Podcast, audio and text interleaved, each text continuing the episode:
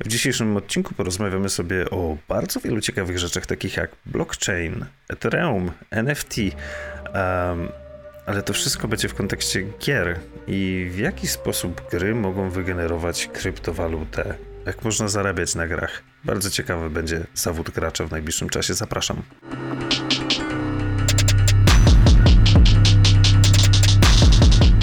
Witamy w 15 odcinku w standardowym składzie, czyli Adrian Jaworek. Cześć, dzień dobry.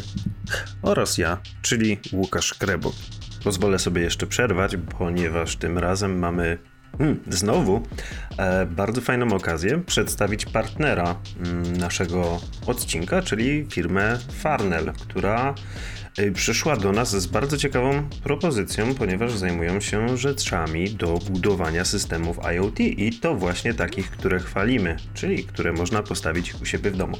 Ale nie tylko, naprawdę każdy pasjonat elektroniki jest tam w stanie znaleźć coś dla siebie, no chociażby Arduino oraz wszelkiego rodzaju różnego e, sensory bezprzewodowe, przewodowe do Arduino, do Raspberry Pi. Naprawdę jest tego sporo, ale jakby tego było mało, Farnell przygotował również kod rabatowy e, na minus 10% dla zakupów powyżej 300 zł. Idealnie na święta, jeżeli mamy e, kogoś związanego z elektroniką, lubiącego sobie podłubać. Kod to z dużej litery DailyWeb 10. Więcej informacji oraz szczegółów w linkach do tego odcinku. Czy chcesz wdrożyć inteligentne rozwiązania do swojego projektu i tym samym zaoszczędzić czas i pieniądze? Przygotuj się na to, co przyniesie jutro dzięki naszej poszerzonej ofercie urządzeń i zasobów, w tym czujników, urządzeń komunikacji bezprzewodowej, łączności i wielu innych. Znajdź to, czego potrzebujesz, produkty i informacje, aby zrealizować swój projekt IoT. Odwiedź farnel.com. Jesteśmy autoryzowanym dostawcą produktów elektronicznych i przemysłowych, mówimy po polsku i jesteśmy sponsorem tego odcinka. Dobrych podcastowych wrażeń od Farnel Polska. A teraz wracamy do normalnego cyklu e, naszych rozmów. I tak jak wspomnieliśmy w intro, dzisiaj rozmawiamy o giereczkach, ale w innym kontekście. W kontekście ekonomii play to earn, P2E. W tym momencie to będzie brzmiało.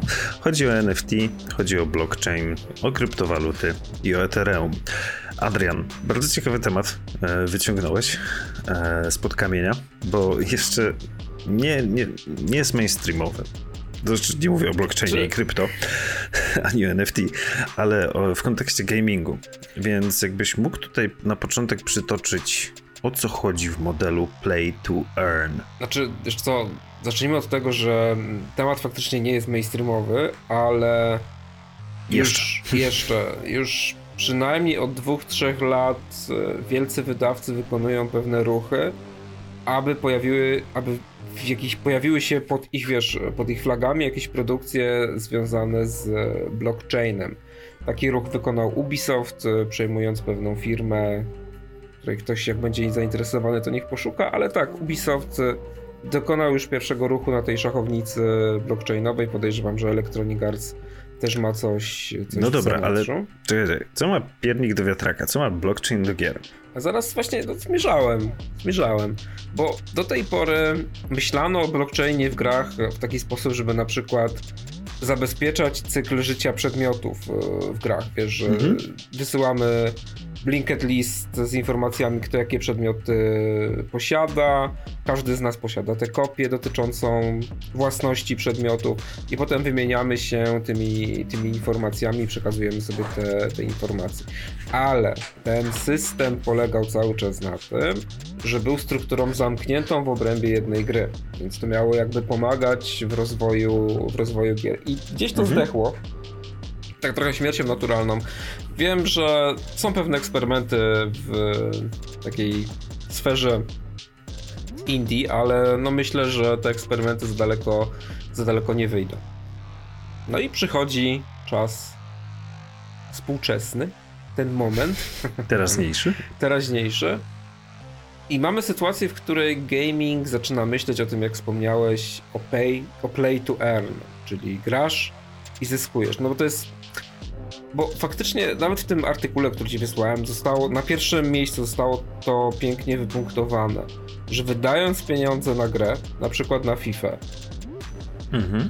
nie jesteś właścicielem niczego poza ciągiem bitów i bajtów. Ewentualnie płytką. Jaką płytką? Przypominam ci, że jest rok 2021. Wiem, wiem, ale nadal jeszcze się jest w stanie dostać. Pudełko jest twoje. I nawet w świetle wielu wielu umów, które podpisujesz, podpisujesz, na które się zgadzasz e, z wielkimi wydawcami, to nawet nie jesteś właścicielem gry, o czym mhm. wielokrotnie mówiliśmy w podcastach i, i, pisaliśmy w artykułach, że ty w zasadzie tę grę wynajmujesz. Więc dobiliśmy do momentu, w którym w gamingu jest mnóstwo kasy, my ładujemy tę kasę na cyfrowe dobra, a potem one nie należą w sumie do nas, no bo jak pograłeś w ostatnią FIFA i stworzyłeś sobie ten taki, wiesz, złoty skład, mm-hmm. piłkarzy z tych, z tych paczek, to ich nie możesz przenieść do kolejnej FIFA. Ale to już pal 6, że nie możesz przenieść. Ty nie możesz tego sprzedać bo to po prostu pootwierałeś sobie paczuszki. To nie jest e, tak jak z kartami Magic the, the Gathering, że na przykład ty masz jakąś kolekcję, ja mam jakąś kolekcję i możemy ją sobie posprzedawać na Allegro, nie? Mhm. Bo tu nie chodzi o to, że można, sprzed- czy można, czy nie można sprzedawać w obrębie jakiejś platformy dystrybucji danego wielkiego wydawcy, ale tu cały czas rozbija się o to, żeby można było coś z tymi dobrami zrobić na zewnątrz. Jeśli tutaj mogę coś wtrącić, bo mówisz, mówisz tutaj o takim wielkim tytule mm, uznanym jak FIFA, ale tak jest właściwie wszędzie, gdzie cokolwiek możemy kupić. Tak. No tutaj przykład chociażby CSGO, czy też y, Lola, czy też Fortnite'a. No oczywiście. To, na co wydamy tam pieniądze, skiny, mm, jakieś dodatkowe itemy, boostery i tak dalej, to zostaje tylko i wyłącznie na naszym koncie. Nie możemy z tym później zrobić I nic. Też trzeba pamiętać o tym, że wartość kolekcjonerska tych przedmiotów, tak historycznie, ona jest żadna, bo one giną w momencie, w którym umiera dana gra. To znowu, mhm. wrócę do Magic the Gathering, bo to jest bardzo fajny przykład, bo kiedyś ktoś porównał te boostery, które miałeś w Magicu do lootboxów i ja się strasznie strygerowałem na to, no bo jeden z takich moich argumentów było to, no tam mówi, no przecież tak samo otwierasz, losujesz, nie wiesz co jest w środku, a ja cały czas powtarzałem jedną rzecz, że jak otworzyłem booster z Magic the Gathering, to miałem w ręce zestaw kart. Zestaw kart, który mam do tej pory i one mają pewną wartość. Mhm. Mogę się wymienić zawsze. Tak, albo, albo sprzedać. sprzedać. One mają pewną wartość. Akurat te, które mi pozostawały, no to tam mizerną, ale jakąś wartość mają. I jak postawisz sobie lootbox właśnie z Overwatcha, z FIFA, z Lola, z Fortnite'a, cokolwiek, znaczy nawet nie lootbox z Fortnite'a, bo tam tego nie ma, ale jakieś yy, skiny, które odblokowałeś w przepustce sezonowej, to one żadnej wartości de facto nie posiadają. Dla nikogo poza tobą w momencie, kiedy je dostajesz. Tak, i to jest Bądź koniec. kupujesz. I dopóki ta gra istnieje, dopóki, nawet, o Boże, mało tego, dopóki ja w to gram, to to ma jakąś mm-hmm. wartość.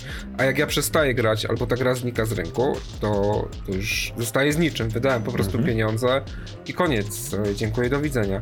I właśnie przeciwko takim, takiej polityce jest skierowany ten ruch, bo nie nazwę tego jeszcze strukturą, systemem dystrybucji, bo to jest jeszcze za wcześnie, ten ruch pay to earn, czyli jako gracz mhm. staje się właścicielem czegoś. Najczęściej jakiejś kryptowaluty, którą Można mogę by było potem powiedzieć, że wygrywasz, ale w sensie nie losowości, tylko grania przez pewien okres czasu. E, grasz po to, żeby zyskać coś, co będzie miało wartość nie tylko dla ciebie, tak. tak naprawdę.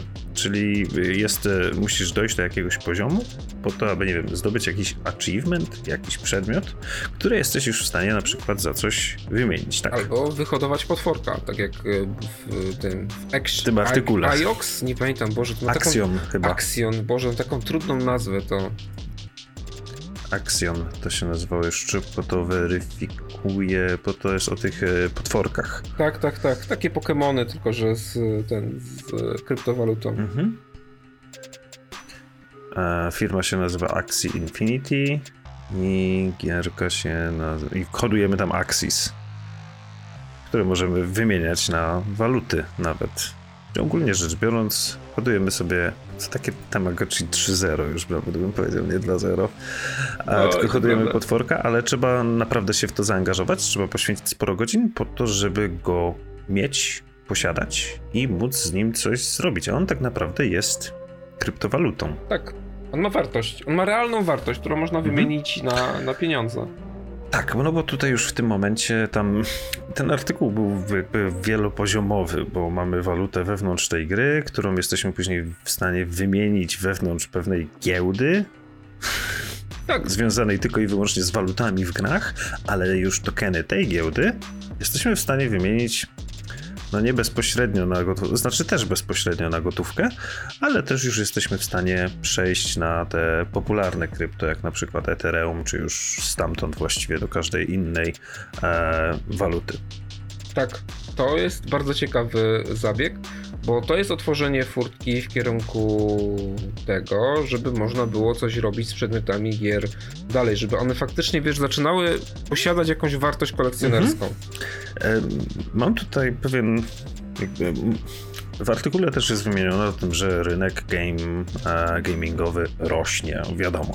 Z roku na rok e, tego pociągu już nikt nie zatrzyma. Mamy o tym też osobny odcinek wcześniejszy o wartości e, rynku giereczek, nie tylko polskich. W każdym razie, czy to nie zagraża dochodom? Ciężko powiedzieć. To wszystko no bo... zależy od tego, Łukasz, jak będzie wyglądał twój model biznesowy. Mhm. Bo na chwilę obecną hajs zarabia się albo na free-to-playu z mikrotransakcjami, albo sprzedaje się w formie buy-to-play bez mikrotransakcji, albo buy-to-play z mikrotransakcjami. Potem mhm. wiesz, no jeszcze są... Pay to jeszcze... win. Nie, nie. Eee, wiesz co, pay to win jest bardzo sprytnie zamieniane na Pay to mm. power. Pay to power, tak. To jest bardzo sprytny, bardzo sprytne przeniesienie. Czy chodziło mi jeszcze o to, że masz, możesz jeszcze sprzedawać na zasadzie buy to play z dodatkami. Jeszcze są modele mhm. subskrypcyjne. I ja bym się nie zastanawiał nad tym, czy to uderza e, w jakieś, wiesz, dochody jednej czy drugiej spółki, jak to będzie, jak to będzie wyglądało. Ja bym się raczej zapytał, jaką wagę będą, jakie wagę będzie miał ten sektor mhm. dystrybucji w momencie, w którym o czym też wiele razy mówiliśmy, na topie są obecnie subskrypcje. Tak, e, ja tutaj to pytanko takie podrzuciłem, tak e, troszeczkę taką świnię ci podrzuciłem, żeby to samemu też później sprostować. E, w każdym razie, bo rozmawialiśmy tutaj o skórkach, o przedmiotach, o rzeczach, które jesteśmy w stanie kupić. I to nie chodzi o to, że to play to earn, te tokeny, które będziemy zara zarabiać, dostawać w grze, zastąpią tego typu skórki. To bardziej chodzi o to, że to będzie coś innego, coś mhm. dodatkowego, więc te skórki dalej będą na przykład sprzedawane, dalej jakieś boostery będą sprzedawane po to, żeby na przykład szybciej dobić do tego NFT, do tego czegoś nienamacalnego, ale z jakąś e, wartością. No i może się pojawić drugi obieg.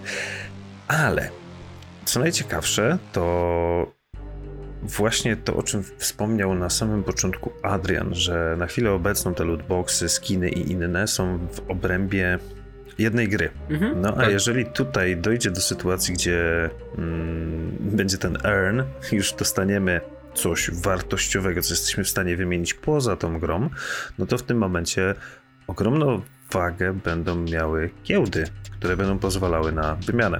Bo załóżmy sobie taką hipotetyczną sytuację, że w grze A zdobywamy coś, co jest warte, nie wiem, powiedzmy 200 baksów. Za tyle chodzi. Jesteśmy to w stanie sprzedać i kupić sobie w grze B coś za 200 baksów w tym momencie, co pozwoli nam tam robić inne rzeczy od innego gracza, wymienić się tak naprawdę. To czym się to różni od sprzedania przedmiotu na Steam Market i wydaniu kasy na, jako Steam Wallet? I no bo w kolejnej grze nie jesteś w stanie w tym momencie już kupić czegoś, co ktoś inny zarobił, no nie? Kupujesz tylko i wyłącznie te rzeczy, które zostały zdefiniowane przez twórców gry. Tak mi się wydaje przynajmniej. Poza tym wartość tutaj tego, co ty sprzedajesz i co kupujesz, dyktuje podmiot, którym jest Steam, a nie rynek. Wiesz co, ale ja bym się nie płucował z tym, że te gry będą, wiesz, będziesz ten dochód przenosił między grami. Ja serio uważam, że w tym modelu pay to earn ma znacznie tej, w tym ruchu pay to earn, przepraszam, w tym ruchu pay to earn zdecydowanie większe znaczenie ma to, że możesz to wymienić na realną gotówkę, że możesz mhm. to, za to żyć, nie? Tak, do, dobrze to ująłeś właśnie, żyć za to, bo w tym artykule też jest wymienione, e, nie podoba mi się ta nazwa, e, stypendium. W każdym razie tu bardziej chodzi o to, że jeżeli gdzieś są pieniądze i da się je zarobić, no to da się też e, wynająć kogoś, żeby dla nas zarobił te pieniądze. I tam jest taka teoria właściwie, nie teoria, bo to też już jest w praktyce. Mm, ta gra, o której mówimy, Axiom, ona jest popularna tam no, na rynku mm, azjatyckim. Tam były Filipiny wymienione, Indie, mhm. e, jeszcze jakieś kraje, Japonia też na pewno była. W każdym razie e, no mówiąc wprost, jeżeli chodzi o tanią siłę roboczą, to w tym momencie dla kogoś alternatywą do mm, ciułania za grosze w call center indyjskim, mówiąc wprost, może być to, że on będzie siedział w domu i farmił. Farmił właśnie tego tak. typu tokeny, które można wymieniać. Będzie to robił dla siebie, bądź w jakiejś sieci afiliacyjnej, e, która tak naprawdę będzie po prostu firmą, która wynajmuje jego czas po to, żeby farmił konkretne rzeczy w konkretny sposób, bo oni mają na to na przykład zlecenie i są na tym w stanie zarabiać. W każdym razie de facto mówimy o nowym zawodzie, kolejnym. Znaczy ten zawód nie jest taki nowy. No, farmienie, do... farmienie golda w World no, of Warcraft. Dokładnie, to, to nie jest nic nowego. Wszystkie gry free to play, te bardziej popularne, mają jakąś taką grupę farmerską, która gdzieś sprzedaje na wiesz, różnych Tutaj chciałbym jeszcze swój mm, czas dla słuchaczy, jeżeli ktoś nie wie, to kiedyś było, nie wiem ile w tym było prawdy tak naprawdę, ale chodziło tak, chodziły takie pogłoski, że chińscy więźniowie farmią złoto w World of Warcraft i po prostu robią to w czasie swojej odsiadki. Nie wiem ile w tym było prawdy. No, ale to przecież świat obiegały te artykuły na temat wenezuelskich graczy, których wiesz, przy szalejącej inflacji złoto z WoWa było więcej warte niż ich, mhm. E, niż ich pieniądze. No tak. Więc de facto nie nowy zawód, tylko może raczej e, to, że jest, są w stanie bezpośrednio to wymienić na gotówkę szybciej. To ale nawet nie szybciej, bo to na Allegro się no. dawało kupić e, Golda w World of Warcraft, czy też Stevie. Ale ja bym nie patrzył na to, czy szybciej, czy wolniej. Ja bym patrzył na to, że to dzieje się już w obrębie regulaminu tej, tej produkcji. Mhm. Bo ktoś coś kupił, coś sprzedał, jest zapisana transakcja. Jest dochodzi... do tego przygotowana usługa. Tak, i, i koniec. Tylko widzisz, nie wiem, tak zastanawiam się nad tym, jak to będzie wyglądało w kwestii regulacji rządowych, bo ja nie wierzę w to, że kryptowaluty nie zostaną pewnego dnia uregulowane. To w zeszłym tygodniu gdzieś czasu. mi się obiło nawet, że Stany chcą opodatkować kryptowaluty ze względu na okupy jeżeli chodzi o hakerów. No, więc kryptowaluty mają też to do siebie, że no, mają ten duży ślad e, ekologiczny, nie? O tym też się dyskutuje, że no, -hmm. to kopanie tych kryptowalut też nie jest specjalnie zdrowe, zdrowe dla planety. No, jest mi tutaj ciężko powiedzieć, w jakim kierunku się to rozwinie, dlatego, no ze względu właśnie na takie zagrożenia, jak kwestie praw regulacji prawnych, skala, skala, kwestie rzeczy związanych z ekologią, czy nawet takie proste kwestie społeczne, wiesz, no czy gracz europejski, czy dla gracza europejskiego w dalszym ciągu jakoś interesujące, zajmujące jest siedzenie i, i farmienie waluty i wiesz, i zarabianie na niej, no boże, wiesz, farmienie po prostu w grze i, i zarabianie mhm. na tym. Podejrzewam, że znajdą się takie osoby, które powiedzą, że no tak, no, ja, no jasne, ale czy w momencie, w którym nie zaczniemy robić takiego, wiesz, zawodu z tych gier, to czy one dalej będą fajne, nie? Czy one dalej będą dawały Będzie taka wewnętrzna radość. waluta wtedy, no nie? Tylko no. będziesz ją dostawał od innych ludzi, nie będziesz mógł kupić wewnątrz gry. Nie będziesz miał gracza na przykład z Europy Zachodniej, tym bardziej, który będzie musiał poświęcić na przykład, nie wiem, 300 godzin grania, żeby osiągnąć jakiś poziom, albo wydać 20 euro na przykład, bo będzie mógł sobie to przyspieszyć. No, hmm. No. Ciekawe, co wybierze. No bo to jest kwestia, wiesz, możliwości nabywczych. No, każdy z nas ma inne, w zależności od tego, gdzie się urodził i, i w jakiej rodzinie się wychował i jak mu się tam życie dalej, dalej potoczy.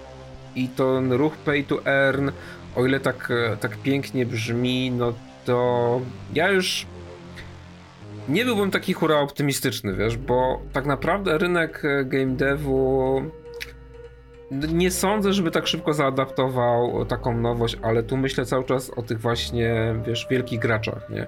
Na razie mhm. to jest, no, tak jak wspomniałeś, to jest nisza, to jest kompletna nisza. Z ciekawostka, no, ale już nie teoria. Nie, już nie teoria, tym bardziej, że zwróć uwagę, ile tam masz kroków, żeby zacząć grać. Przede wszystkim musisz mieć ten portfel założony, na przykład Metamaska. Mhm. Musisz jakoś podpiąć tę walutę. No to jest tam troszeczkę to nie jest takie proste jak. E, jeszcze. Jeszcze. To nie jest takie proste jak pobranie gry na dysk, odpalenie jej, wpisanie hasła i login. Gdzie na dysk, panie? Na telefon. No, tak, na telefon. No.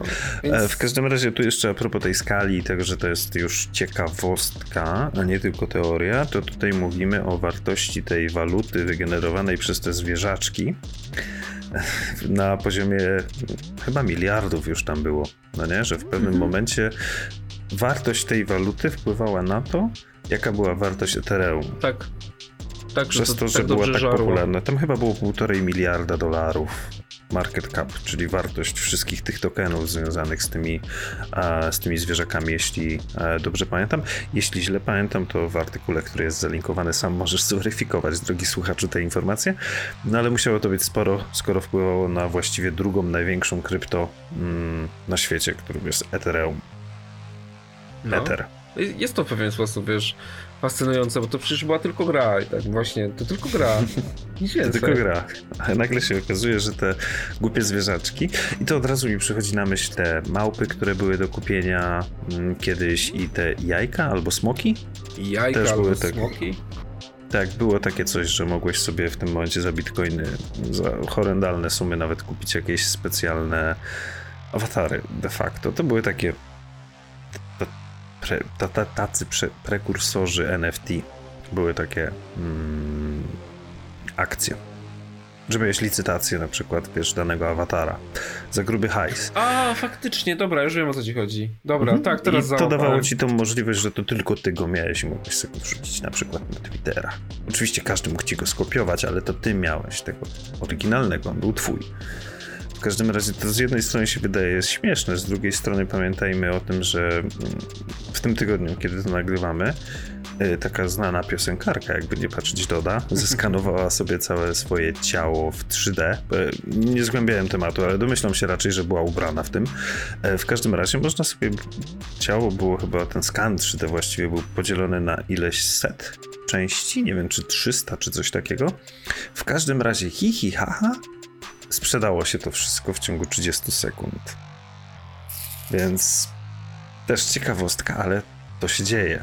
I o ile to się wydaje bardzo dziwne, przynajmniej nawet dla mnie, to, no, to się dzieje. I za każdym razem to będzie mniej dziwne i coraz więcej osób będzie to chciało mieć. Więc to może być bardzo ciekawa zmiana, ale i to też jest wypunktowane w tym artykule, zanim potężne studia, które e, tutaj dla mm, takiej wizualizacji e, nazwijmy statkami wycieczkowymi, zmienią swój kurs i przestawią się na tego typu dodatkowy model, sporo czasu musi minąć.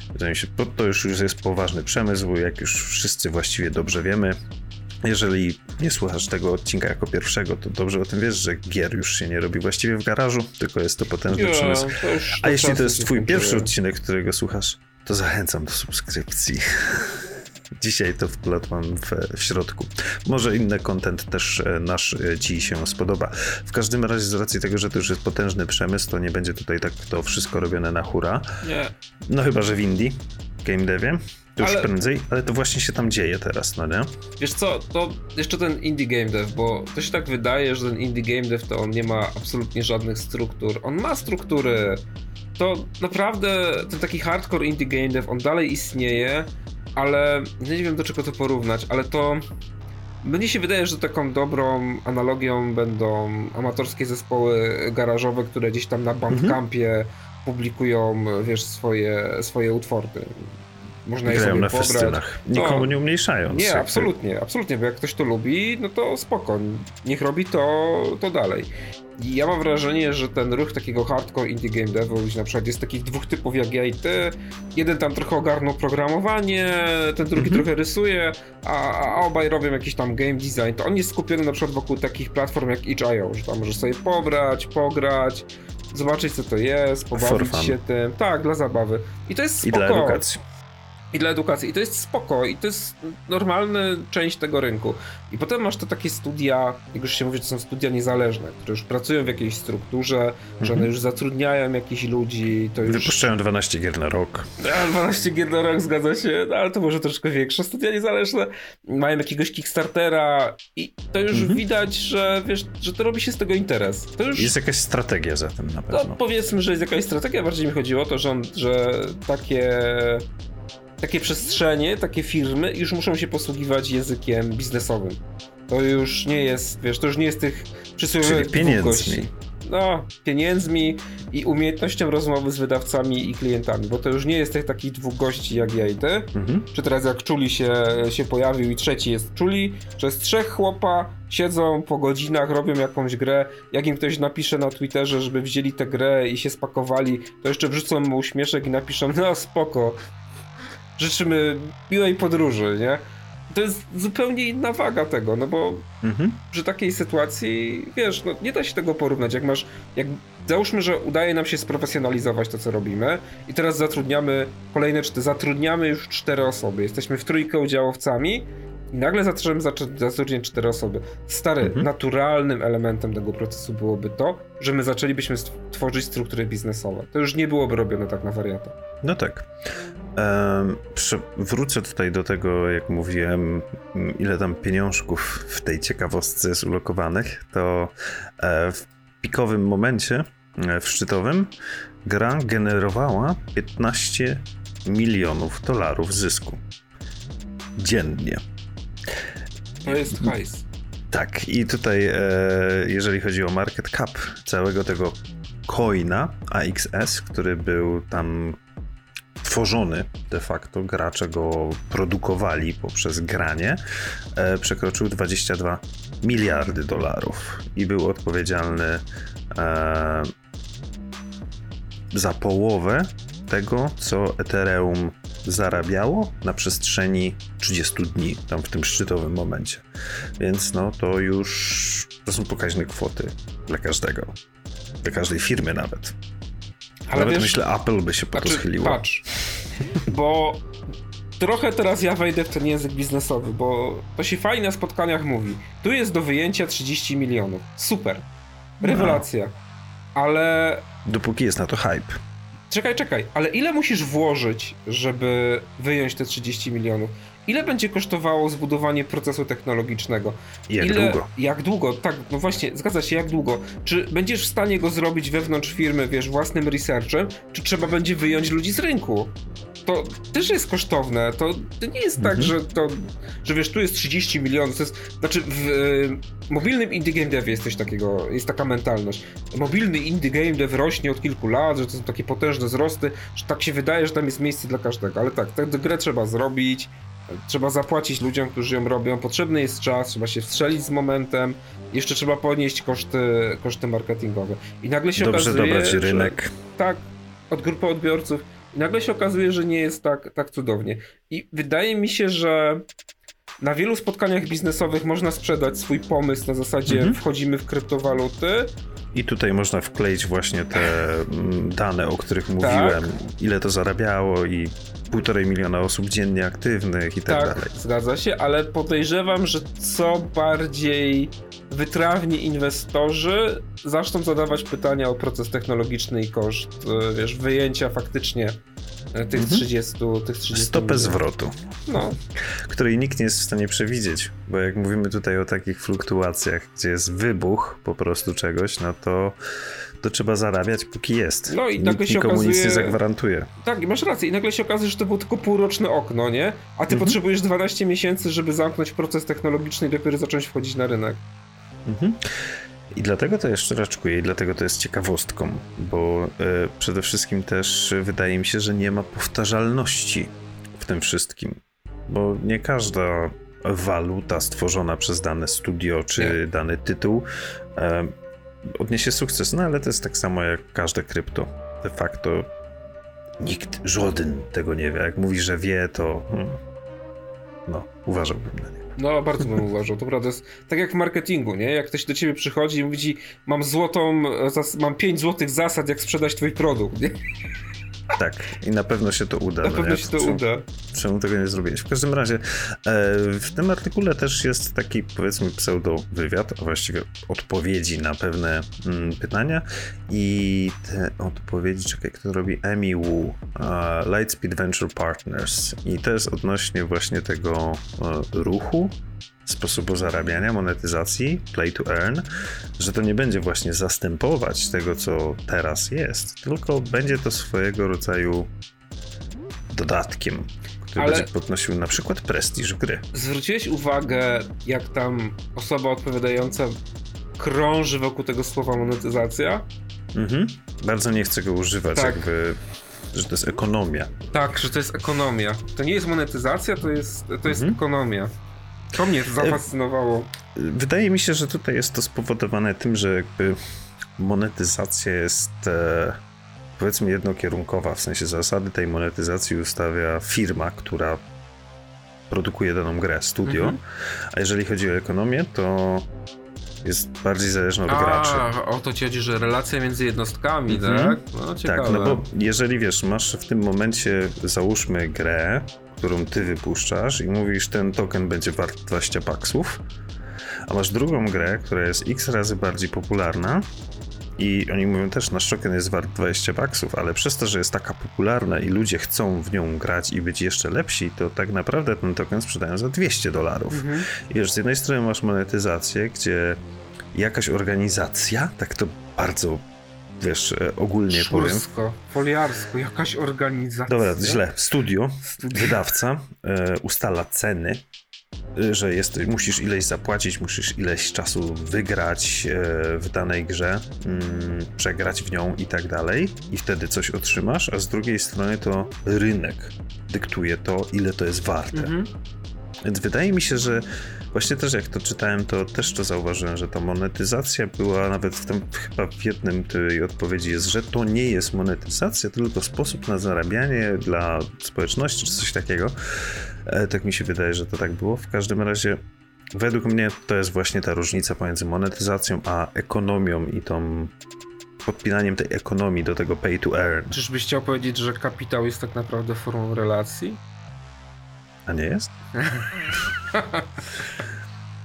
Chyba jest. No, tak, chciałbym wiem, to powiedzieć, ale jakby nie zakładałem, że jest inaczej. Bardzo, tak, wiesz, lewacko tutaj zabrzmiałeś, że kapitał to tak naprawdę tylko forma relacji, umowy społecznej.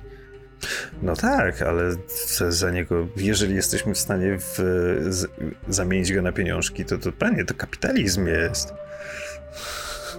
Te pieniądze, wszystko.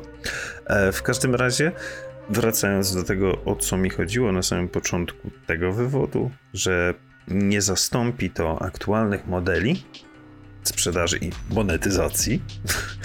Będzie to swoistego rodzaju dodatkiem, który uszlachetni rozgrywkę. Wiesz, wydaje mi się, że taki mariaż właśnie modeli subskrypcyjnych z tym pay to earn, on mógłby być ciekawy, bo wtedy byś czuł, mhm. że za tę grę, no byłbyś sobie w stanie na przykład zarobić na subskrypcji i nie tak. sądzę, żeby duży wydawca też na tym tracił w momencie, w którym by te tokeny trafiały mhm. do niego i on też by budował swoją wartość.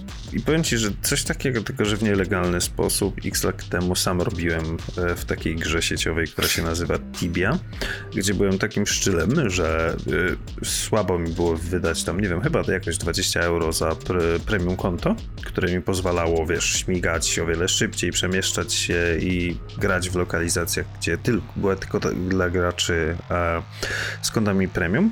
Jak odpowiednio się w to zaangażowałeś, to byłeś w stanie, przez to, że byłeś w tych lokalizacjach premium, wyciągnąć, dropnąć takie itemki, że z ich sprzedaży byłeś w stanie zarobić sobie na to konto premium.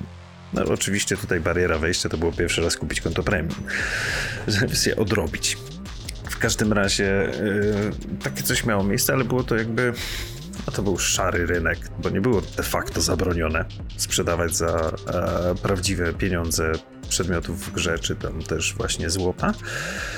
Ale no nie było też żadnego mechanizmu, żeby to robić, więc tutaj to też było takie, wiesz, czy ktoś cię nie zrobi w bambuko, w sensie, wiesz, nie miałeś żadnej ochrony kupującego, ani sprzedającego w tym mhm. momencie. Więc był to czarny rynek de facto. W każdym razie, y, znowu kolejny odcinek nam wyszedł brawo, w którym wydaje mi się, że nie jesteśmy w stanie go w żaden sposób podsumować zbytnio, oprócz tego, że trzeba jeździć, obserwować. No ale tak jest, no, tak troszeczkę nam w ogóle ten sezon się robi taki badawczo-trendowy, wiesz, że gdzieś tak mhm. staramy się popatrzeć na te trendy, kwestie, sprawy i materie, które no nie są jeszcze tak mocno dookreślone i no niespecjalnie jesteśmy w stanie powiedzieć, że to na przykład będzie tak albo, albo inaczej. Ja w ogóle jestem bardzo ostrożny po pandemii z jakimikolwiek mhm. sądami, że to na pewno się rozwinie w taki sposób. No, no nie. Ja jednego jestem pewien, że zawód gracza na pewno się zmienia aktualnie i jest to ciekawy rozwój. No wiesz, ja cały czas I czekam... specjalnie powiedziałem zawód gracza. Ja cały czas czekam na to, aż pęknie ta bańka z, związana ze sportem. I to już... tak, w każdym razie tego oczywiście nie wiemy, może to nie jest bańka. Może to nie jest tak bańka. ma być. W każdym razie y, wydaje mi się, że możemy już gasić światło. Możemy. Mhm. Dobrze. Dobrze. W takim razie y, dziękujemy, drogi słuchaczu, słuchaczko, za spędzenie 15 odcinka ze mną, czyli z Łukaszem oraz z Adrianem. Cześć, miłego. Ja też się żegnam i oczywiście zachęcamy do zaglądnięcia do naszych innych odcinków 14, 13. Wiecie, jak się liczy wstecz, więc o możecie Boże. tam zaglądać, bo do wielu odcinków e, odnosiliśmy się i tematy były tam też poruszane. E, bez zbędnego pierdololo. Dziękuję. Do usłyszenia w 16 odcinku. Cześć. Cześć.